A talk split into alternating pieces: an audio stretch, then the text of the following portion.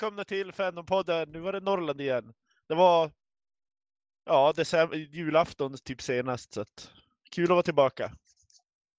Idag ska vi prata om, ja David, vad ska vi prata om idag? Det var din idé. Ska vi inte presentera oss först? Ja, gör det. Ja, ja, ja det, är- det är David. Jag ska presentera vad det handlar om snart. Joakim, som vanligt. Viktor? Nina här. Kör David. Ja, eh, idag tänkte vi snacka om, eh, utgå från ett koncept som en del kallar för handwavium. Vill säga sånt som ofta förekommer i Space Opera. Sånt som hela Star Wars är byggt av i stort sett. Eh, sånt som eh, eh, överljushastighet, teknologi och sånt som existerar som folk som någon har hittat på som det kanske inte direkt finns någon grund för att det faktiskt skulle fungera och även ja, och hur fantasy och magisk realism använder sig av samma koncept och faktiskt baserar sig på samma koncept kanske lite och allt som har med det att göra egentligen. Var det en vettig förklaring? Ja, det tycker jag. Vill, vem vill börja? Vill Nina börja för en gångs skull? Ja, jag tänkte börja med lite fantasy. Och jag håller ju precis, har snart läst, snart har jag läst ut en bok som heter Tender Morsels av Margot Lanagan. Och jag tänkte där att det handlar ju om en mamma som är med om någonting väldigt hemskt. Och har två döttrar som hon skapar en fantasivärld för. Urda och Brancha heter de här döttrarna. Och det är så att de här världarna existerar bredvid varandra, men döttrarna bor i fantasivärlden. Men sen så kommer en liksom igenom till den verkliga världen. Och det hon stöter på då, det, det är det här med lite, ehm, ja lite, lite verklighet kontra fantasi kan man säga. Mm. Ja. Ja. Alltså jag, jag reagerar på namnen på de där. Urd är ju ett ord för öde. Som branch, det är förgrenande. Så vilket är på något sätt i, i sammanhanget motsatser. Okej, ja, jag har faktiskt inte tänkt så långt, men det är väldigt mycket symbolik och björnar som är män och sådär i boken. Så det finns väldigt mycket symboliska grejer, a- absolut. Ja. Bortsett Björ- från det. Björnar som män. Ja, precis. Varför kom... ja. Ja. Jag kommer, att tänka på, jag kommer tänka på Vladimir Putin, men ja. Eh, Rys, en ryska björn? björnar. Men ryska björnar och så. Jag vet- eh, Men alltså, vart är hon ifrån som skriver den? Australien. Jaha, okej. Mm. Eh, Hon har också skrivit Black Use, en samling noveller som jag är väldigt sugen på att läsa. Alltså svarta judar. Nej, Black Use, alltså juice. Jaha, okej. okej. Oj, oj, oj. Det, det, det har Tusen varit Black väldigt Youth. konstigt. Jag tyckte Men- jag sa Black Youth, men juice, okej. ja, ja. Men alltså det är intressant alltså hur den här fantasyvärlden hon skapar. Snackar vi magisk realism här eller? Ja, det var det ordet jag sökte när jag, när jag funderade länge. mm, Lite åt det hållet. Hur, Ja. alltså hur, hur, hur... alltså skap- vad, ska- vad är den här världen? fantasyvärlden liksom? Är det någon slags lek eller är det en, ett faktiskt ställe som hon har skapat med den? Har, någon, Som har jag någon slags... uppfattar det är det ett faktiskt ställe där man kan leva och det är väldigt mycket det här med den mörka verkligheten i kontrast till det vackra i fantasin. Mm, Och att överleva genom med hjälp av fantasin. Någonting Mm. väldigt svårt. Det handlar om gruppvåldtäkt och ja, övergrepp från fader, mycket sånt som Mm. det handlar om. Ja. För att kunna överleva det här. Men det, det blir väldigt sådär, ja det Mm. blir, det blir väldigt speciell stämning i och med det, det vackra i Mm. fantasivärlden och det hemska som finns Alltså jag annars. tycker det, har ett, det, vart ett, det där var ett så bra exempel att inleda med för alltså här har vi ju ett ypperligt exempel på litteratur som litteraturvetarna i Nobelkommittén inte förstår sig på. Liksom som när, som när ehm, eh, Doris Lessing fick Nobelpriset liksom och intervjuaren säger du gjorde ett snedsteg in i science fiction där. Vad, vad har du att kommentera om det sa hon. Jag kommer ihåg det så väl. Hon blev Och- inte glad. Nej, hon, hon, eh, hon sa ju att eh, hon, hon Alltså hon, hon påpekar ju det att Snes, äh, jag kommer inte ihåg vad hon sa alls, men hon, hon, hon sa ju emot ganska skarpt. Det, Jag det vet jag. påpe- kan ju påpeka dock att den här boken som Nina pratade om, jag kollade upp den på Wikipedia och den har ju fått en uppsjö av eh, priser. Ja, Varav, ja, vissa verkar väl vara fan, World Fantasy Award har hon fått och så, men generellt så verkar det vara mer allmänna priser. Så att den har hon lyckats. ja. Fast det, grejen är ju att eh, när, när de här eh, fantasy och SF blir mainstream, då är det ju väldigt vanligt att de säger att det är ju faktiskt inte science fiction egentligen. Fast Alltså personligen tycker jag alltid, har jag upplevt att ordet, eller liksom genren magisk realism eller vad man säga, mm, är typ Ja, jag förstår, det finns ingen skillnad på det och fantasy, förutom att det är någonting som pretentiösa människor säger istället för att säga fantasy. ja, men då, riktigt. då kan jag har vi inte riktigt hittat någon Alltså, annan då är ju ett bra exempel Memoirs of, the, of a Master Forger. Där liksom huvudpersonen kan tolkas väldigt... Och det kan tolkas både som att han har en psykos och som att hans demoner som man ser faktiskt finns. Och det är liksom... Det, det, båda två känns precis lika troliga och närvarande i boken på något vis. Koncepten. Så man kan läsa det som en magisk realism eller man kan läsa det som en eh, ja, vanlig roman. Mm. Det står att just den här boken är liksom lite en kombination av The Hunger Games och A Handman's Tale har jag för mig att jag läste. A, a Handmaid's. Tale. A Handmaid's Tale. Ja. tale. Jo, Precis. jo men jo, alltså, det finns ett jättekänt, uh, apropå det här klassikern, det var ju också titeln på, ja, på lit, Litfest, men hur som helst. Eh, Det finns ett jättekänt citat av uh, Amy's. SF's no good, they bellow till we're deaf. But this looks good. Well then, it's not SF. Okej. yes, det är så. Kings, Kingsley Amy's. Or maybe Robert Conquest. But it's attributed to A- Amy's. Mm.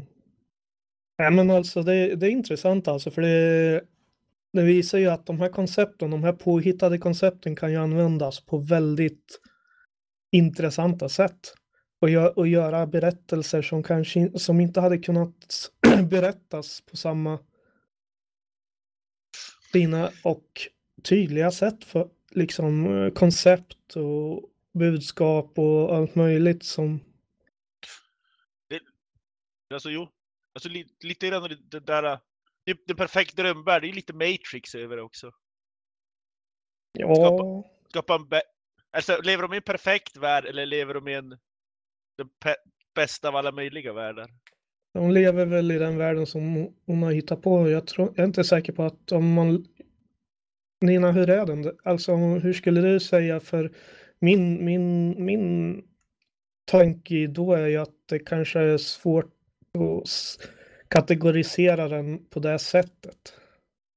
Du menar som fantasy eller? Nej, som perfekt eller som... Alltså som dröm, drömvärlden, drömvärlden. ja, som Joakim pratar Nej om. men det, det är ju liksom att det, den här gränsen mellan världarna rämnar lite grann. Ja. Ja. Så att, eh, ja, det är väl ett skydd tänker jag. Så använda fantasin som att, Mm, ja, att överleva helt enkelt. mm. Men, jag- men, jag, men jag tänker själva alltså, drömvärlden hon lever i, ba, barnen lever i. Alltså Mm. är det en perfekt värld eller är det mer en... Men det är en vacker värld. Okej. Det, den är inte perfekt utan den bästa möjliga världen man kan leva i. Jag är lite osäker faktiskt hur jag Alltså- ska svara Är det på någon det. som har det är hakat upp sig mycket på ett visst uttryck symboler nu och... med- Ja. Nej, nej, nej, jag, jag, tänker på, jag tänker på det uh, Agent Smith säger i Matrix liksom. De, de provade att skapa perfekta världar åt människorna. Problemet åt människor litande på så skapar de så ungefär som i vår tid istället. Bara Ja, fast jag vet inte vad... om man... Alltså det där, eh, det, det är ju... Det är ju ett påstående som Matrix gör. ja, och som är helt okej f- och, och liksom att den utgår ifrån det. Det är liksom det, det konceptet de utgår från och den orsaken till att de inte har gjort en perfekt väg. Men och liksom de utforskar den aspekten av det hela. Men det behöver ju inte betyda att det måste vara så som de... nej, nej, nej, nej, nej. Nej, men det var, Sen en, det var lite grann för att uh, sen när jag kommer att prata, kommer jag att prata om Karen Lords Best of All Possible Worlds. Mm, Då kommer jag just att prata just om den där uh, ja. definitionen mellan perfekt värld och bästa av alla Ja. möjliga världar. Ja, men alltså det... eh, Alltså... hur, hur tänker mamman egentligen när hon skapar den där världen? Vad är hennes mål med den här världen? Får jag fråga då? Jag vet inte faktiskt. Jag tror att det är det jag sa att liksom att klara av någonting som är så väldigt svårt Mm. att klara av så att man måste hitta någon ventil. Jag tror Ja, det är det, men, Men den här är inte helt säker. ventilen, är den, är den instruerande eller är den bara eskapism? Alltså det, det finns ju fullt med djur och eh, björnar och liksom eh, jag har för mig att det var varulvar också. Det finns väldigt mycket djur så att det är ju liksom inga fina djur heller bara i den där världen. Men ja, Det är lite som en fabel kan man säga. kanske lite. Det finns något Jo. slags budskap som hon har, mamman har bakat in där också. Mm. Ehm, två saker, nu kanske vi börjar komma mer och mer bort från vårt grundämne, men två saker som jag tänker Det gör vi på bara. alltid. Fortsätt. Ja, Ja, precis. ja det är helt Eh, okej. Eh, dels tänkte jag bara apropå eh, Matrix och deras resonemang, eller vad man säger. En sak som alltid har stört mig där, som väl kanske kan knyta an lite till den här eh, berättelsen Nina hade läst också. I Matrix så utgår de ju bara från att eh, det är bra att liksom rädda människor från liksom, den här fejkade Matrix-världen och ta dem till den verkliga. Sen blir det väl lite suddigare på den punkten i de senare filmerna. Men från början är det så här, nej men det är mycket bättre att vara i verkligheten. Trots att verkligheten så finns det typ ingen sol, alla äter någon slags grå soppa och allt ser ut som fan. Mm. Eh, och de tycker liksom att på något sätt att, ja men bara för att Matrix är fake så är den automatiskt sämre än verkligheten. Alltså, Vilket jag tycker är ett lite märkligt alltså, koncept. Med tanke på att Matrix liksom på alla sätt som räknas för de som är i det är ju precis lika verklig som Ja. verkligheten. alltså tillåt mig inte hålla med. Lite poängen med Matrix också är ju att de som de tar ut, de tar inte ut alla utan de väljer ju vilka de tar ut. De som kan överleva. Nej, inte de som kan överleva utan de som har lite så här rebelliskt sinne som liksom inte riktigt är nöjda med världen, som liksom känner på sig att något är fel. Det är ju de de letar upp och tar ut därför att de vet att, att eh, människor utan den egenskapen har väldigt svårt att hantera den verkliga vä- världen de lever i.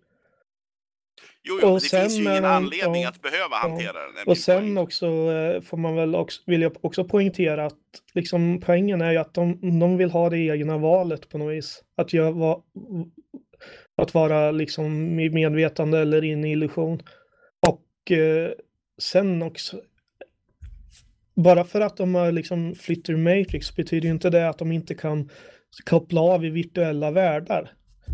Det är ju också något som de visar. Så jag vet inte om, jag, jag, jag håller nog inte riktigt med där.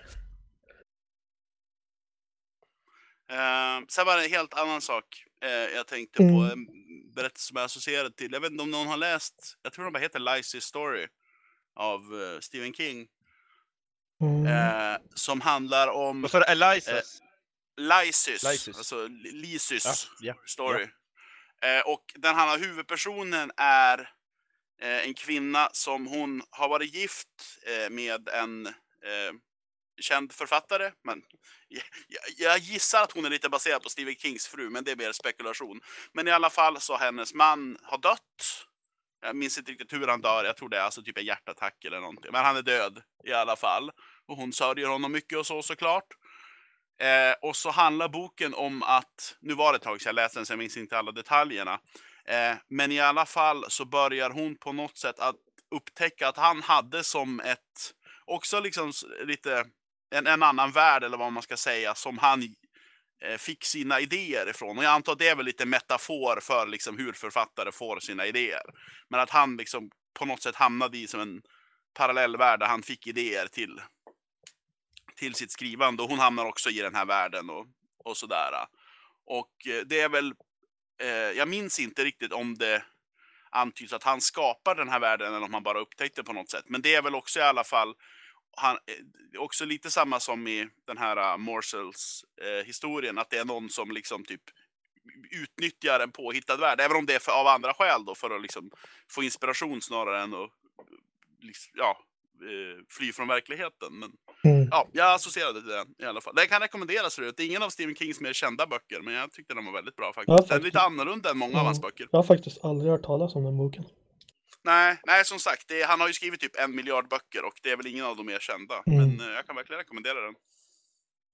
framförallt kanske för de som själva gillar att skriva. Jag vet inte om det gjorde att jag liksom knöt an mer till den. Jag vet inte. Och liksom det, här, Den är lite ja, det handlar ju mycket om liksom författarens psyke Mm. och sådär, eller vad man ska säga, och inspiration. och- och sådär. metaperspektiv. Ja, lite grann. Alltså det känns, jag skulle gärna vilja prata med Stephen King om den här boken, för det känns väldigt mycket som han har liksom baserat den på någon sån metafor. Och att den här döda författaren är lite baserad på honom själv. Har eh, Nina pratat färdigt om sin? En bok, ja. Ja. Okej. Då kan vi ju gå över till... Ja, men jag kan jag kan ju ta för man nämnde det lite grann. Uh, ja, det är Karen Law. Jag förstår vilket... Jag väljer två, men jag kan börja med att prata Redemption Indigo, som Nina också hade läst lite grann. Men det var ju länge sedan du läste den. Men det är ju mer en... Mm. Alltså det är mer en afrikansk skröna med lite, framförallt början lite buskis. Med typ, hon eh, lämnar sin man som är idiot och väldigt glupsk. Han är så glupsk att han typ vid ett tillfälle han ramlar ner i en stor uh, kittel och typ ligger fast där och går omkring med kitteln på huvudet för att den ska slicka botten på den och sådana grejer. Nej, men det finns... Eh, eh, för hon får besök av typ af, eh, jum, zombies, typ, typ, typ afrikanska PR typ, som ger henne en, eh, en kaosstav. Som gör det möjligt att typ, eh, ja det är lite grann som eh, os, vad heter den? Oändliga osannolikhetsdriften. Det är, som, Ja. det, det är som en liten chans att det sker. Det, den, den ser till att det är som en liten, fast, fast, fast den är mer, uh, ser till att det är som en osannolikhet att den kan ske om man vill att det ska ske. Mm. Även det magisk stav, det är typ en afrikansk gröna så jag kan läsa exakt hur de förklarar den. Uh, ska vi se. Jana began to babble in her haste to take advantage of this unplanned situation. She tried to explain about the different possibilities in the universe. About the chance that it seems improbable, but, once possible might still happen. And what if there were a type of focus or control for the quantum fluctuations to determine whether the situation is go or no go? One could use it to select the unlikely and encourage the serendipitous. One who had the knack of getting the best out of bad situations. One like Parma. So it's a bit like uh, Heisenberg compensators to use in Star Trek. You break down the quantum... Är du medveten om att du har bytt språk, Mäki? Ja, jag läste vad texten på engelska. Ja, men, det är som det, det, från pubkvällen igår också, massa engelska och svenska. Nej men liksom, bry, bryter ner uh, kvantumfluktuationerna till, eh, man gör om slumpmålet liksom, inom kvantan till, eh, till, till att bli den mest bästa möjliga Mm, viljestyrd verklighet typ. Precis, ja precis. Och det är som i... Uh, ja, nu är det någon som rör sig för mycket. Sitt still, sitt still! Mm. Eh, det är någon... eh, det är ju någon i... Hur många är det som har läst uh, Wheel of Time? Ja, inte hela, men Ja, jag typ kom igenom typ fyra och en Ja. halv bok Det- det- innan det ju- jag tyckte, men för fan vad håller du på med Jordan, sluta. Det, det med att det var... Var det, Var var, var, var det mäter någon... Det kraften var typ att han uh, kont, Ja, det är kontrollerade han. slumpen. Han har, tur, han har Ja, väldigt mycket precis, tur, precis, basically. Ja. Så det är typ en magisk stav som typ kontrollerar kvantumfluktuationerna. Det, det Ja. inte... Det finns väl en del superhjältar med liknande krafter också. Uh, Kommer på ett par Marvel. Scarlet. Witch. Ja, och Longshot Ja. och eh, Black Cat har väl typ oturskraft. Är fast då, alltså om, om man går in på så här eh, serie, serietidningshjältar och sånt där. Då tycker jag man har gått över gränsen lite där. Ja, det, okej, okej. Alltså inte, i- inte konversationsmässigt sett utan vad där jag tycker att det är bra. Liksom eh, det, man har gått över gränsen till liksom det är för mycket handwavium helt plötsligt. Det är liksom det, det, jag vet inte, om man tar de här Marvel-universen som aldrig slutar, de, ingen död, ingen som dör är ju död för evigt och de kommer alltid tillbaka där, när folk, när de vill tjäna lite pengar antar jag det handlar om. Mm. Får de Ja, så här, det är intressant vad man ska dra det, den. det är så mycket sånt där som det är svårt att liksom peka på något och säga ja men det, där har de liksom gått över. Alltså Så en sak som jag kan, jag vet inte om det här är, om det är det här du stör dig på David, men en sak som jag kan känna så blir ett problem just med Ja, framförallt alltså äh, med Marvel och DCs superhjälteuniversum. Det finns även med andra. Mm. Eh, men att i de flesta, liksom vad man ska säga, övernaturliga berättelser, fantastikberättelser, då är det att det finns liksom en grej som är själva grejen. Alltså det finns, i Harry Potter finns det magi, men det finns inte superteknologi. Mm. I Star Trek så finns det jättemycket teknologi, men det finns ingen magi. Och, ja, ni förstår Ja. sådär. Medans i de flesta superhjälteuniversum, då finns det gudar och det finns magiker och det finns eh, liksom eh, Allting. superteknologi. Det finns som precis alla grejer samtidigt och då blir det mycket svårare att begränsa det på något Ja. sätt eftersom det blir som så bä- Bästa, på bästa exempel på det är ju Tor-filmerna. De första Tor-filmerna liksom, det var, deras magi var egentligen bara avancerad tillräckligt avancerad teknologi. Men sen, sen när man vågade släppa lös och Doctor Strange kom, då har de gått över till att de använder faktiskt magi och inte teknologi. Och ska, ska du säga att den där hammaren inte är magisk? Ja, jo, men alltså, de- i alltså, första filmerna så, pra, så har, pratar de ju bara, men det jag tror Tor till och med säger, jag tror T- T- Tor till och med säger att det är det är avancerat Nej men jag tror det är han, vad heter hon, b- Natalie Portman, hans flickvän? eh, Jane, Jane, Jane Foster. Eh, jag tror hon konstaterar väl, det är något av någon Asgard-teknologi som hon konstaterar är typ bla bla Ja, bla teknik. precis. Mm. Jag minns inte detaljerna. Ja, det var så var i andra filmer, jo precis. Mm. Nej men efter Doctor Strange bara, nej. Det är för att de inte vågar släppa lös och liksom stoppa in ma- magi. Men sen Doctor Strange, man vågar släppa lös mer och hitta på mer. Så då har de gått ifrån och börjat säga Ja. istället att det, det är teknologi, eller det är magi och inte teknologi. Alltså, Fast det är ju egentligen ingen skillnad. Alltså jag tänkte på det när, när David introducerade ämnet också. Att vid en viss poäng, och det har väl lite att göra med det här klassiska sufficiently Mm. advanced science. Att eh, liksom tek- teknologin i, eh, alltså se bakom eh, liksom vissa handwavade saker, bakom eh, teleporters i Star Trek till exempel. De hade ju lika gärna kunnat säga att äh, men det är magi vi Mm. använder för att ta oss upp från planeterna. Det är liksom precis lika logiskt. Ja, sant. ja. Så att det är liksom, om, om det är eh, magi som eh, Tor använder i Marvel-filmerna, eller om det är superavancerad teknologi, så det gör det ju inte mer eller mindre realistiskt. nej. För att det är i princip samma sak och precis lika logiskt vid den. Ja, Bra- bra. jag vet inte om jag håller med. De har ju faktiskt Star Trek-prylarna mer och mer blivit verklighet och Joakim brukar ju vara den första att nämna den här eh, att de har teleporterat partiklar och grejer. Ja, de har teleporterat partiklar. Steget mellan teleportera en kvantumpartikel och teleportera en människa fast de är har ju... inte- Det är en fråga om Fast, data. fast, fast, de har, fast egentligen har de har inte teleporterat partikeln, de har ju parti, eh, teleporterat information mellan två partiklar på två olika platser. Ja, Jo, jo, men ja. Eh, och Och eh, nu brukar framförallt Mäki brukar ofta påpeka att ja, men det är så mycket i Star Trek som inspirerat verkligheten och så här. Men poängen är att den mest liksom vad ska man säga, för, den, mest, eh, den viktigaste teknologin för att det ska kunna bli som Star Trek basically, som, som grundförutsättning. Warpfart har vi inte. Teleportering har vi inte. Möjligtvis är replikatorer kanske 3D-skrivare kan utvecklas till någon dag. mm, Men annars är det ju, jag menar, det, det Star Trek är inte så mycket hårdare SF än vad Star Wars är, ärligt talat. Nej, alltså just...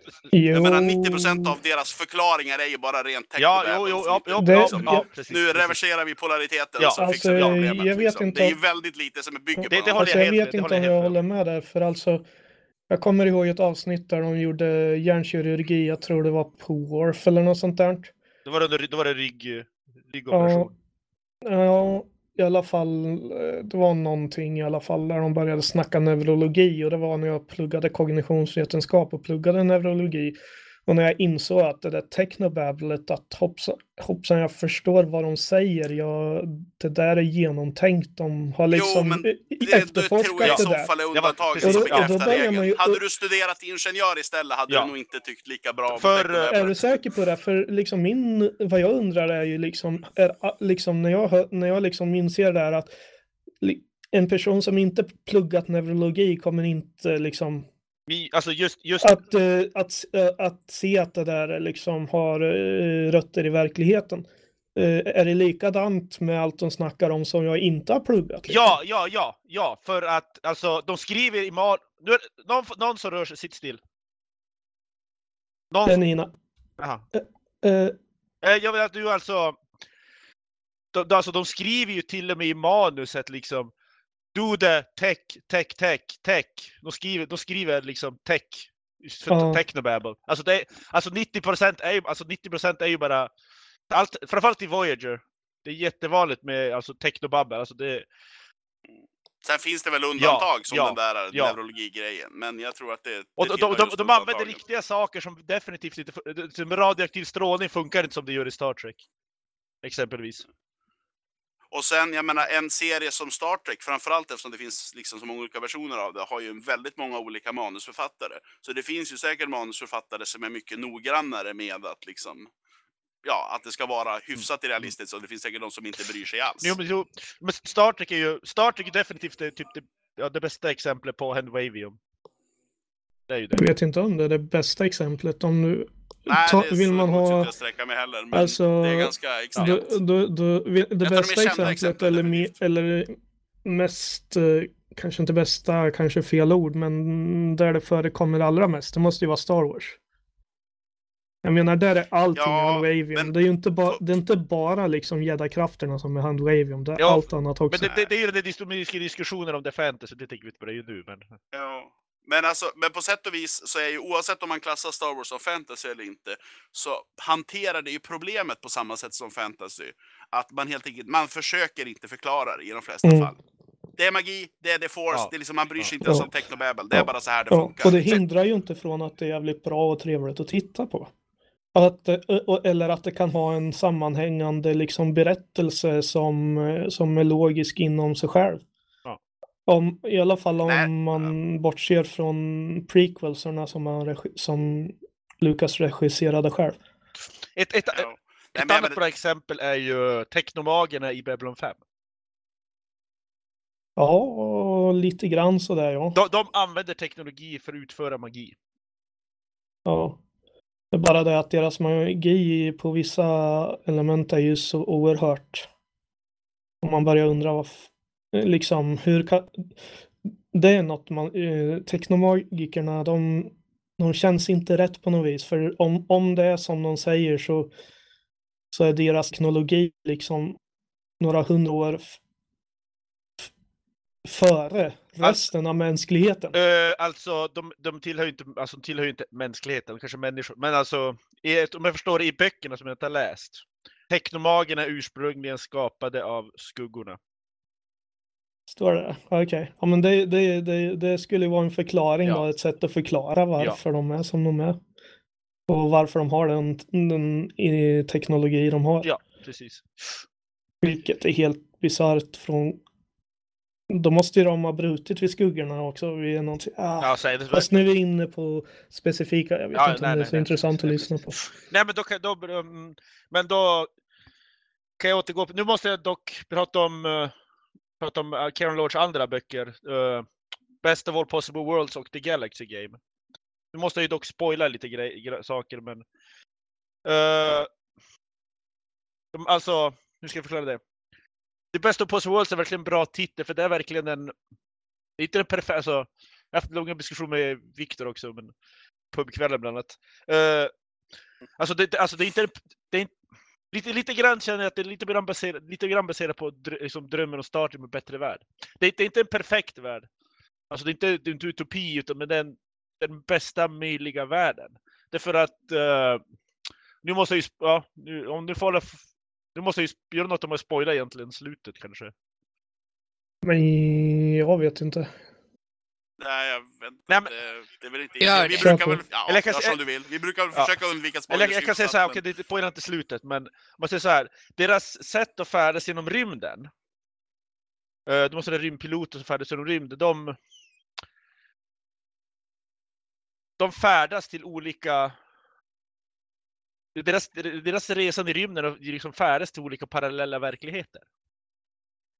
Och till slut kommer Mm. de ändå tillbaka hit. Och på något sätt, det, det finns orsaker till varför den världen de lever i har blivit den bästa möjliga världen som kan uppstå av alla parallella verkligheter. Mm. Så att säga. Det, det, det ska inte spoila slutet, men det, Men med konventionell, alltså multiversumteori, borde inte den bästa möjliga verkligheten vara typ bokstavligt talat perfekt om det finns ett oändligt antal världar? nej, det, det, deras tanke är ju, det är inte riktigt så. För de, och det, jag har ju nämnt det tidigare, för det är inte riktigt sån här vanlig, alltså hård SF. Jag, jag, jag tror de, Jag kommer inte ihåg om de berättade men det, det, finns en, det finns en myt om världens skapelse. Som jag berättade åt dig igår, idag, idag, eh, Viktor. Uh, typ skaparen, eh, typ, ska, typ Gud satte äh, ett, delade ett ägg i fyra delar och satte det på fyra olika världar. En värld som typ ja, utvecklade sinnet. De är typ, ja de, de är Valkans, för de kommer också från Epsoneridaner som är Valkans. En ras som utvecklade hjärtat och en ras som utvecklade kroppen. Och så har vi människorna. Som, um. så, så, som var bra på att ligga som, med folk. Som, precis, som uh, vi som föder som kaniner. Så att de, de, är bra för att, om man vill utveckla sin egen ras och få fler barn så typ jorden är avstängd och man plockar in dem för att kunna utveckla sin egen, alltså det är svårt att förklara utan spoila men. Uh, det, jag tror jag vill läsa den här boken. Ja, alltså, den låter ju fascinerande jo. som fan. Så du har ju, gjort, du har ju lyckats prata för ja. den på ett bra sätt. Och det, på det sättet. Och det, och det är första boken. Den andra bo, mycket av andra boken handlar just om att utveckla... För det har varit uh, galaktiskt krig som gjorde att man förbjöd mycket av uh, sätten att resa på. Så man ska utveckla nya sätt att resa på. Och det, mm. det, det, det, involverar lite grann en, en uh, det finns en sport som heter wallrunning, alltså väggspringande. Man typ springer på... Det är som att klättra på väggar, fast bla, tänk blandning mellan väggklättring och uh, det de gör i Enders spel. Lite grann. Och det blir, och det blir en del av mm. sättet att färdas inom rymden. Alltså det är svårt. Så det är svårt, om vi inte spoilar slutet så är det svårt att förklara. Men det är mycket just med att det är den bästa möjliga världen. Alltså det är ju, alltså det är ju Handwavium väldigt mycket. Mm. Och det är, det är, lite så här, lite grann som Redemption in Indigo. Det är lite, alltså lite, lite grann blir det, mm. själva världsbyggandet blir lite grann en mytbildning, en, inte en skröna, för det är fortfarande så som en space opera fast utspelat på, alltså, ja, mm. om du förstår vad jag menar. Det, inte riktigt, men ja, det låter ja. intressant. Och Nina, du gillade ju Redemption in Indigo, du kommer säkert gilla Best of Possible Worlds och Galaxy Game. Ja, för, för, den, för den, jag vet inte om jag nämnde tidigare, jag pratade om det i podcast, men hon skrev ju den efter tsunamin i, ja, i Thailand och det. Det är liksom stora Stora grejen var att typ 80, var i Indonesien och sånt, 80 procent av de som dog var kvinnor. Och den där, typ, det är det som hände i början med den där valkenrasen. Det är bara de männen som har varit på andra planeter och deras planet blir förstörd.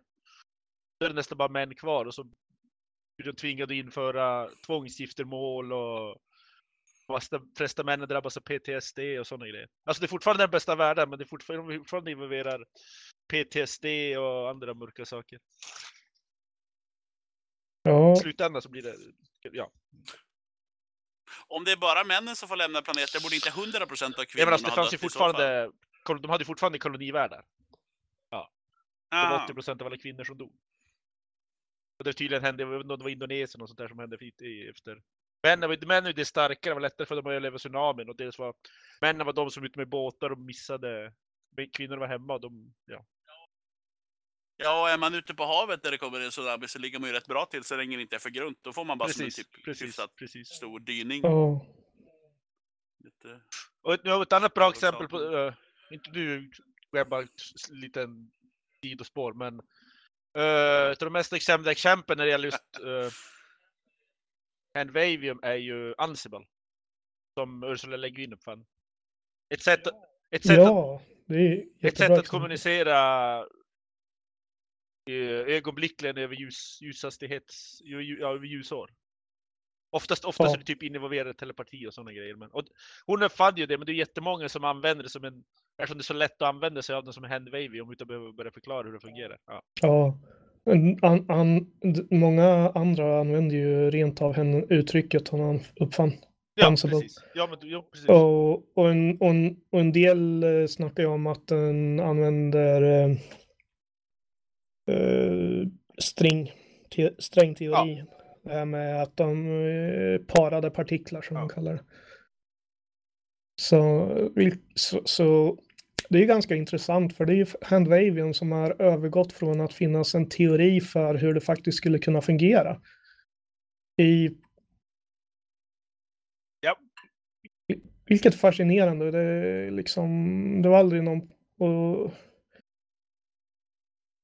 Jag undrar om de inspirerades och började arbetet liksom att gå i den riktningen med, av eh, science fiction eller om det var liksom bara något som, om vi väntar ett tag, om det är så här, då kommer vi kun, skulle, skulle man ju teoretiskt sett kunna göra det här. Ja. Mm. Så, ja.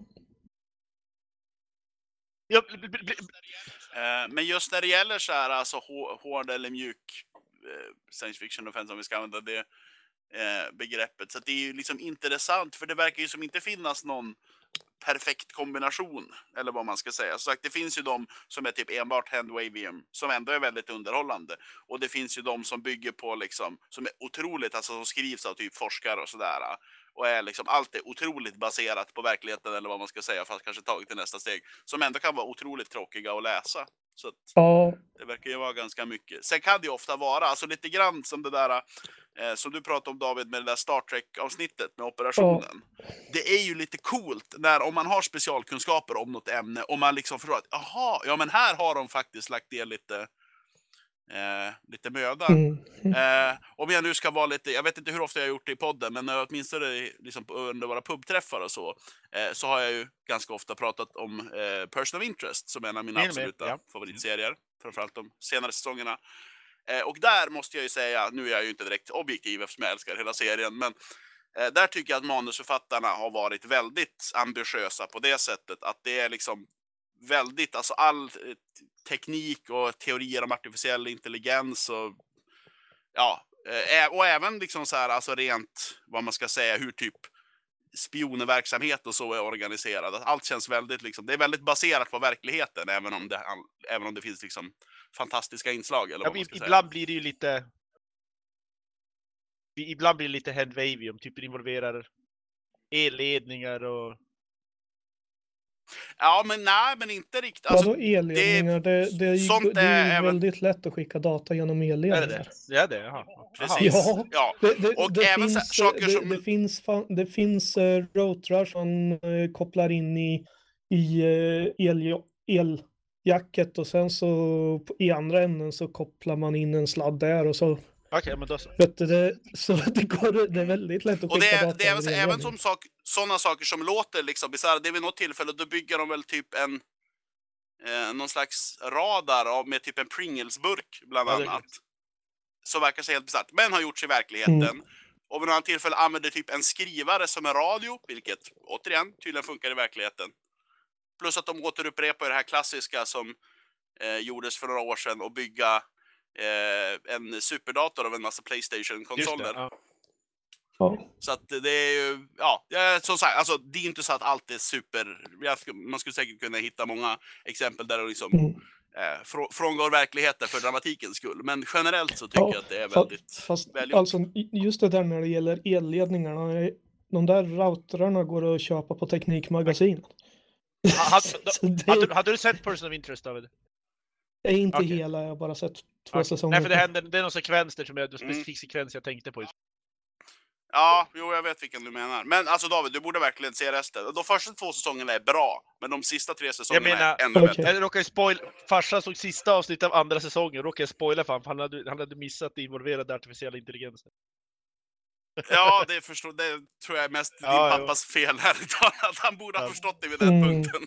Det, I början är det ju lite så här uh, ambiguous, hur man nu säger det på svenska, men lite liksom så här. uh, Tvetydigt men- är ordet på Ja, svenska. precis. Tvetyd, tvetydigt bra ord. Eh, det gäller det här med AI och så, men sen blir det ju mer. Det liksom, man, hela serien blir ju så mer och mer science fiction. Från början är det ju i princip en, ja men typ police procedural med en liten så här typ science fiction twist, eller vad man ska säga, som en gimmick närmast. Även om det fortfarande är en väldigt bra serie. Eh, men sen liksom över säsongerna så blir det ju så mer och mer SF. Mm. Ja, alltså det är intressant alltså för vi har pratat ganska mycket om så här magisk realism, liksom där de har något liten grej som, och sen har vi pratat om de extrema exemplen. Men sen finns det ju, sen tar man ju liksom, jag vill gärna prata om Alastair Reynolds som ju har väl som på något sätt använder små element och sen så som av Handwavium som man sen blåser upp och gör till en del av världen som han knappt verkar. Och jag tycker han är skicklig på det här sättet. Som författare. Ja, går de inte på, sol, typ på solytan i Revelation Space? Det... Va? I Gör slu- de? i- i- Nej. Sol, det känner inte jag igen heller. Det är inte på en Nej, sol, nej, det det är är väl ju en på den planet. där, eh, den där eh, neutronstjärnan som in, det visar sig inte vara en neutron, det neutronstjärna. Okej, det var så det var. Och, och, Solytan.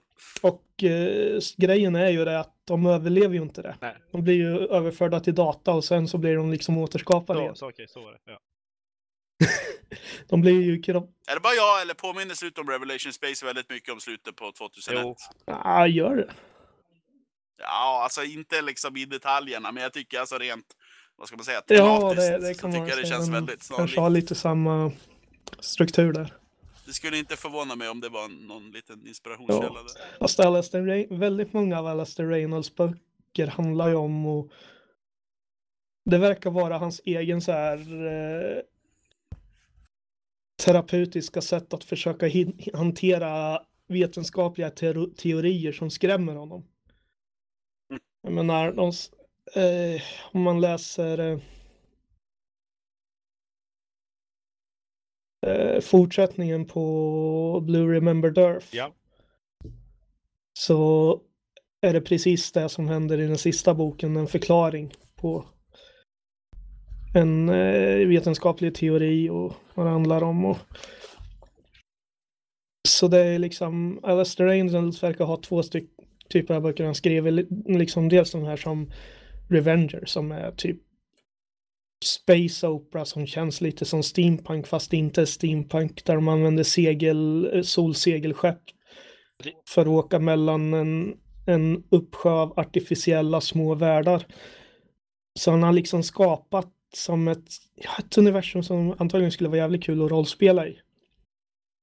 Där det där liksom världarna de lever på, lever på är mer avancerad teknologi än vad de själva har.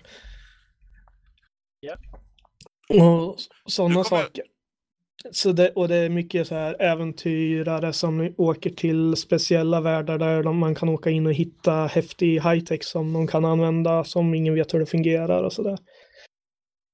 Eh, Revenger var bra, jag vill ha mer från den världen. Jag vill, att, jag vill ha en uppföljare på den.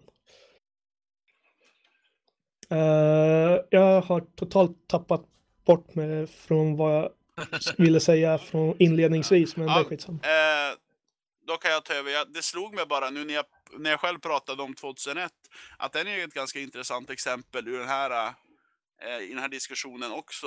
Just att större delen av 2001, det känns ju som väldigt realistisk. Ja visst, de har AI, men bortsett från det så är det alltså de har den här eh, roterande grejen på rymdskeppet för att skapa gravitation och det känns liksom väldigt, ja det mesta känns väldigt realistiskt. Mhm. Ända fram till slutet då det liksom, jag vet inte om jag vill använda uttrycket spårar ur för det låter så negativt, men det är verkligen det är mycket mindre realistiskt eller vad man ska säga, eller åtminstone betyder mer avlägset från Ja. vår verklighet de sista, jag vet inte hur många sidor det kan Nej. handla om. Men, Men, eh, och det är ju värt att nämna för de som inte läst boken att om man läser boken så fattar man vad fan som händer i slutet på filmen.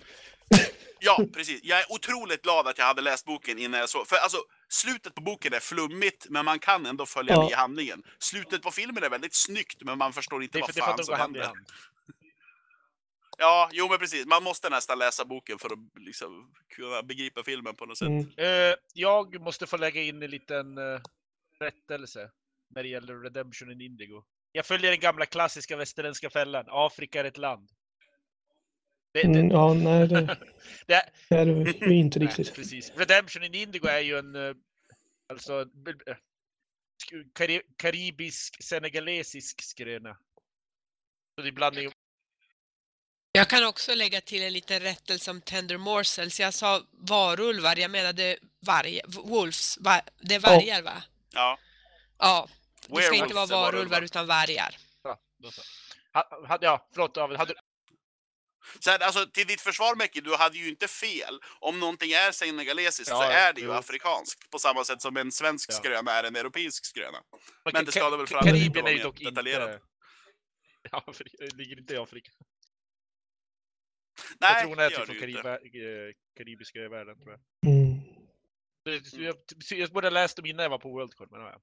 Jag hade, David, hade du fått prata färdigt om ditt ämne? Ja, alltså. Du var uppe i 45 minuter. Jag tror jag kom ifrån mitt ämne och aldrig kom tillbaka Jaha. till det på någon du var vänster. uppe i 45... Men, eh, problem. men vi, vi, vi, vi, vi kan gå Ja, vi vidare. måste börja avsluta, vi har pratat i 45 minuter. Men det har väl aldrig stoppat oss förut. Eh, Men alla hade fått prata det de ville prata om i alla fall. Nina, har du något mer du vill Ja. nämna? Jag kan, bara nämna att jag, jag kan bara nämna att jag har sett en väldigt trevlig film, en mörk film som heter The Shape of Water som är liksom en saga av regissören Guillermo de Toro men slutet tycker jag att det var liksom lite tillrättalagt. Det skulle ha varit hållit samma mörka ton som den är delvis annars. Men den är, har ljus också. Jag vill verkligen se den filmen, men just det där med tillrättalagda slutet avskräcker mig lite grann. Jag hatar när Ja, det- det är filmer kort, är så så att de är liksom så jättemörka och så sen bara fegar de ur i Spielberg. På, Mm. tal om filmer. jag, jag har ju sett The Last Jedi nu och alltså ju mer jag tänker på den och ju mer känn, på den så ju mer, ju mer känner jag att det är fan den bästa Star Wars-filmen hittills. No. Inte, Jo, inte. jag tycker Ja, det, det är, alltså, det. det är, den är topp fyra, ja. Ja är- det, det konstruerar hela myten och uppgörelse med allt vad Star Wars heter, så ja. Det vet jag inte om jag håller med om, men den är ju bra. Den är vä- liksom, den, den eh, liksom eh, har inte riktigt lika mycket så här, vad ska man säga? Om man tar JJ Abrams filmer, Mm. han, liksom, han älskar ju plot holes, verkar det som. Ja. Medan den här känns mer, eh, liksom visst det är ju Star Wars och om man vill hitta plot holes så finns de Ja, men- där eftersom allt är handvavium.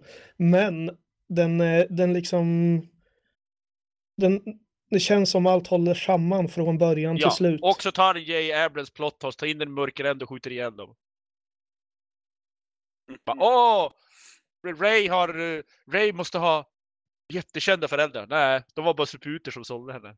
Bara, Åh! Den stora skurken, han kommer vara stora, han kommer vara nya Palpatine. Nej, hepp, inte det.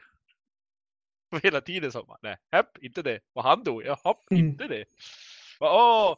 Åh, Poe bara, han är den stora hjälten. Oj, alla dog. Hopp.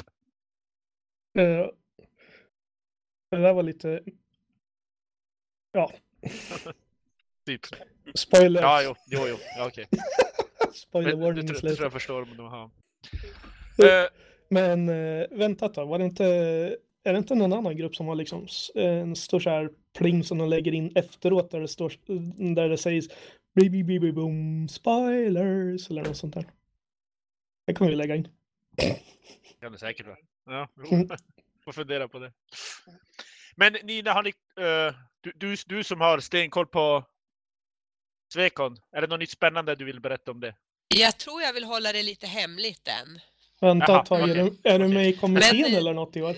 Om ni vill eh, liksom delta i någon panel så anmäl er kan jag bara säga och skriv på eran anmälnings... Liksom när ni anmäler er om ni är intresserade eller vill prata om något särskilt för det är hög tid nu. Förhoppningsvis kommer det bli ett avsnitt av Random-podden inspelat också hoppas jag. Mm. Det låter perfekt. När är det Svekon är? I juni, jag tror det är någon gång 15, jag har inte exakta Ja. dat- kalendern är inte här. Men 15 det, till 17 juni. Precis. dieselverkstaden i Sickla i, nack, i nära Mm. Nacka. undrar om jag fortfarande har kvar jackan som jag glömde förra gången men det var i dieselverkstan. Vad är det? det skulle vara väldigt roligt om Viktor ville följa med den här gången kan jag säga. Jag vet inte om jag har sett dig. Nej, det är någon- ingen som har sett mig på några konvent någon gång. Jag har ju, det, det är också en sån där grej som jag har planerat de senaste 15 några åren av mitt liv att jag borde gå på någon gång, men det aldrig Ja. riktigt blir av. Jag tycker du ska komma på Fantastica 2018. Ja, jag kanske ska satsa på det. Det, det är dock mycket människor där. Det är Mm. sant. Inte Alla typer av folk. Ja, jo. jo. Oh. Eh, Så känn ja. dig välkommen. Jag tror Mäkis poäng var att jag gillar inte riktigt några typer av Mm. folk Okej i då. Ja, längden, men ja, ja Han då ge- förstår jag. han gillar alla människor lika mycket. ja, det är sant. Ja, jag är men det- väldigt jämlik. Man ska se positivt. Ja, ja, är det någon som vill eh, tillägga någonting annat? Annars så börjar jag avsluta. Kunde inte ta sig igenom en hel podcast utan att du skulle Nej. nämna Den är fan Bra, genial. då tar, då tar vi det som slutord. Tack och adjö, leverpastej. Hej hej. Tack. Hej.